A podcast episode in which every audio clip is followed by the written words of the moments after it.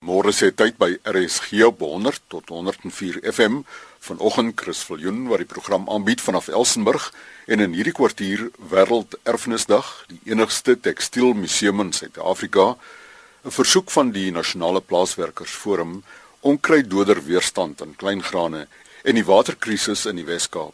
Dinsdag die 18 April is dit Wêreld Erfenisdag daaroor gesels Justin Lawrence, woordvoerder van Cape Nature. World Heritage Day is celebrated on 18 April each year and it's an opportunity for us to marvel in both our natural and cultural heritage. The World Heritage sites they are special and unique places with fragile ecosystems and they need special care and one such site is the Cape Floral Region Protected Area World Heritage Site. The Cape Floral region, it's one of the eight South African World Heritage Sites, along with the fossil hominid site of South Africa, Isimangaliso Wetland Park, Robben Island, um, Maloti Drakensberg Park, Mapungkunguwe uh, Cultural Landscape, the Vredefort Dome, and and the Richtersveld cultural and botanical landscape. But the Cape Floral region, this was first inscribed onto the World Heritage List in 2004 at the time of the inscription, the site was made up of eight protected areas up to about a total of 550,000 hectares. But today it's grown and there are now over a million hectares and it's increased to 13 protected area clusters. The extended Cape Floral region, it's one of the richest areas for plants when compared to any similar sized area in the world. It represents less than 0.5% of the area of Africa, but it's home to nearly 20% of the continent's flora. And some 69% of, of the 9,000 identified plant species are actually endemic to the area. A number of Cape Nature managed protected areas are part of this World Heritage Site, including Grootwinterhoek, Cederberg, the Boerland Mountain Complex, the Hoop Aneesberg, Swartberg, the Garden Route Complex, which includes Robberg, and then also the Langeberg Complex, which is home to Groot Vadersbos. And that's where our newest accommodation is situated. So we're trying to make access to our World Heritage sites a little bit easier for the public. The recent developments at Grootvadersbos mean the area is also a great option to visit if you want to see a site right here in the Western Cape. But aside from the natural beauty which is on display there, there's also 11 comfortable cottages, three with universal access, which were opened last year. So if you want to visit a, World Heritage site, consider Grootvadersbos. And if you need more information on World Heritage sites and the others that are in Cape Nature's array, please visit capenature.co.za or call 0214830190. Die woordvoerder van Cape Nature, Justin Lawrence, en hulle telefoonnommer 0214830190. En nou na Kalvinia waar die president van VLV Kaapland, Karin van Skalkwyk gesels oor 'n erfenis waarop die dames baie trots is. In die Vroue Landbouvereniging van Kaapland se hoofkantoor Jubileumhuis is voorsiening gemaak vir die JE Konradi Tekstielmuseum, 'n enigste in Suid-Afrika.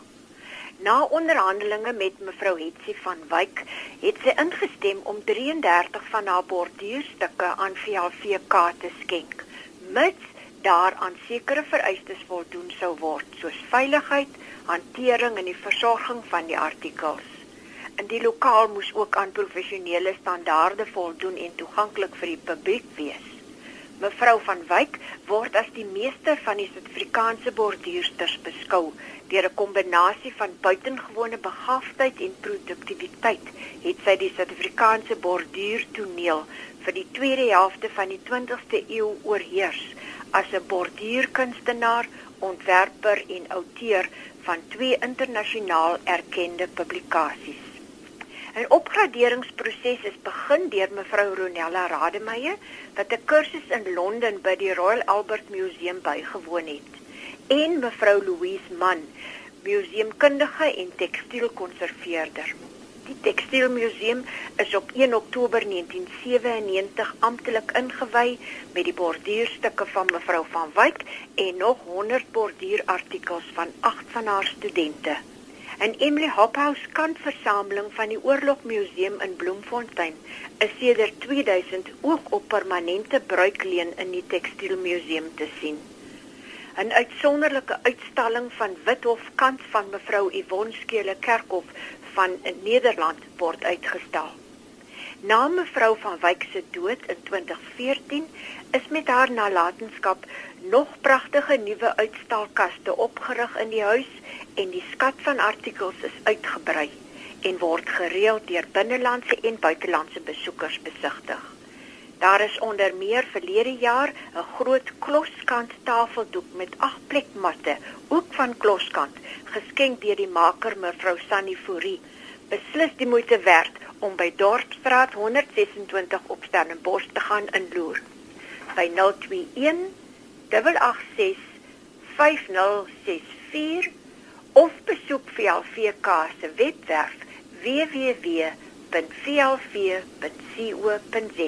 Die president van VLV Kaapland, Karin van Skalkwyk, om jubileumhuis te besoek, skakel 021 8865064 of besoek die webwerf www.vlv.co.za. En nou 'n versoek aan produsente van die Nasionale Plaaswerkersforum. Dit kom van Rita Andreas, woordvoerder van die forum. Ek wil sommer vanoggend namens die nasionale plaaswerkersforum sommer net 'n kwessie aanraak wat ek dink nodig is vir ons in landbou in. Ek wil vanoggend 'n beroep op ons produsente doen. Nie almal nie, daar is van ons produsente wat nog steeds doen wat hulle goed dink om te doen. Ek wil vra en ek wil 'n vriendelike beroep doen, werk met ons saam en ons het nie probleme nie. Doen wat die wet van jou verwag en verlang om te doen bly binne die reëls van die wet. Ek kom agter daar's te veel produsente wat nog steeds hulle eie wette nastreef en dit veroorsaak probleme. Dit bring moeilikheid. So ek wil vra vir oggend 'n pleidooi rig na aan ons produsente en ons werkers daar buite. Kom ons doen wat die wet sê ons moet doen.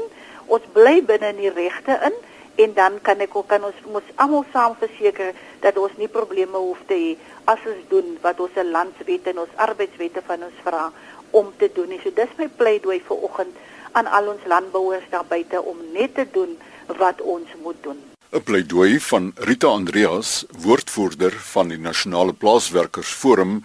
Rita kan geskakel word by 076 790 1066 076 790 1066 Daar bestaan verskeie metodes om onkruiddoder weerstand in kleingraan te bepaal soos in glashuise of met teikenarea weerstand.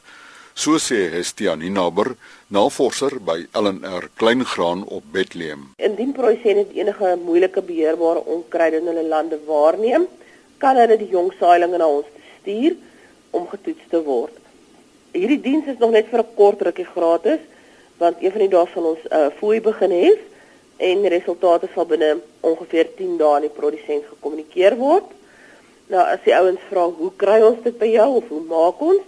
Produsent is welkom om dan nou die grassaailinge of sade te koerier na Kleingraan. Dis belangrik sodat ons groen materiaal kan kry. Ons wil nie graag hê die materiaal moet al doodgaan of begin me voordat ons uitkom nie. Jy moet asseblief die GPS koördinate van waar die monster geneem is daarop aandui en kontakbesonderhede. Ehm um, jy neem 'n verteenwoordigende monster van die veld. So jy trek nie net op een kol 'n paar plantjies nie. Dit moet 'n paar saailinge wees van reg oor die betrokke veld waar die probleem voorkom.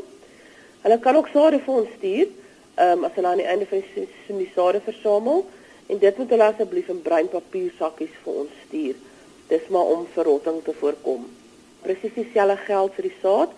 Ehm um, ons soek asseblief voldoende kontakbesonderhede en dan ook die GPS koördinate.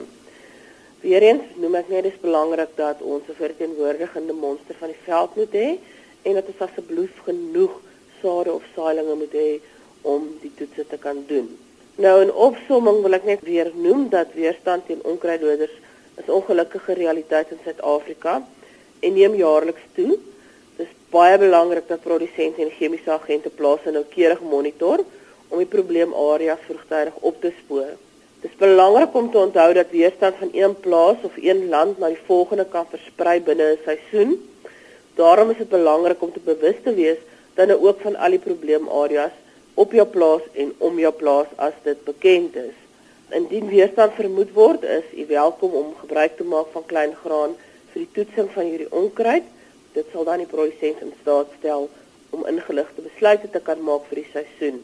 Deur die produsent in staat te stel om dan die besluit te maak, kan tyd en geld op die ou einde gespaar word. En dis tog wat belangrik is.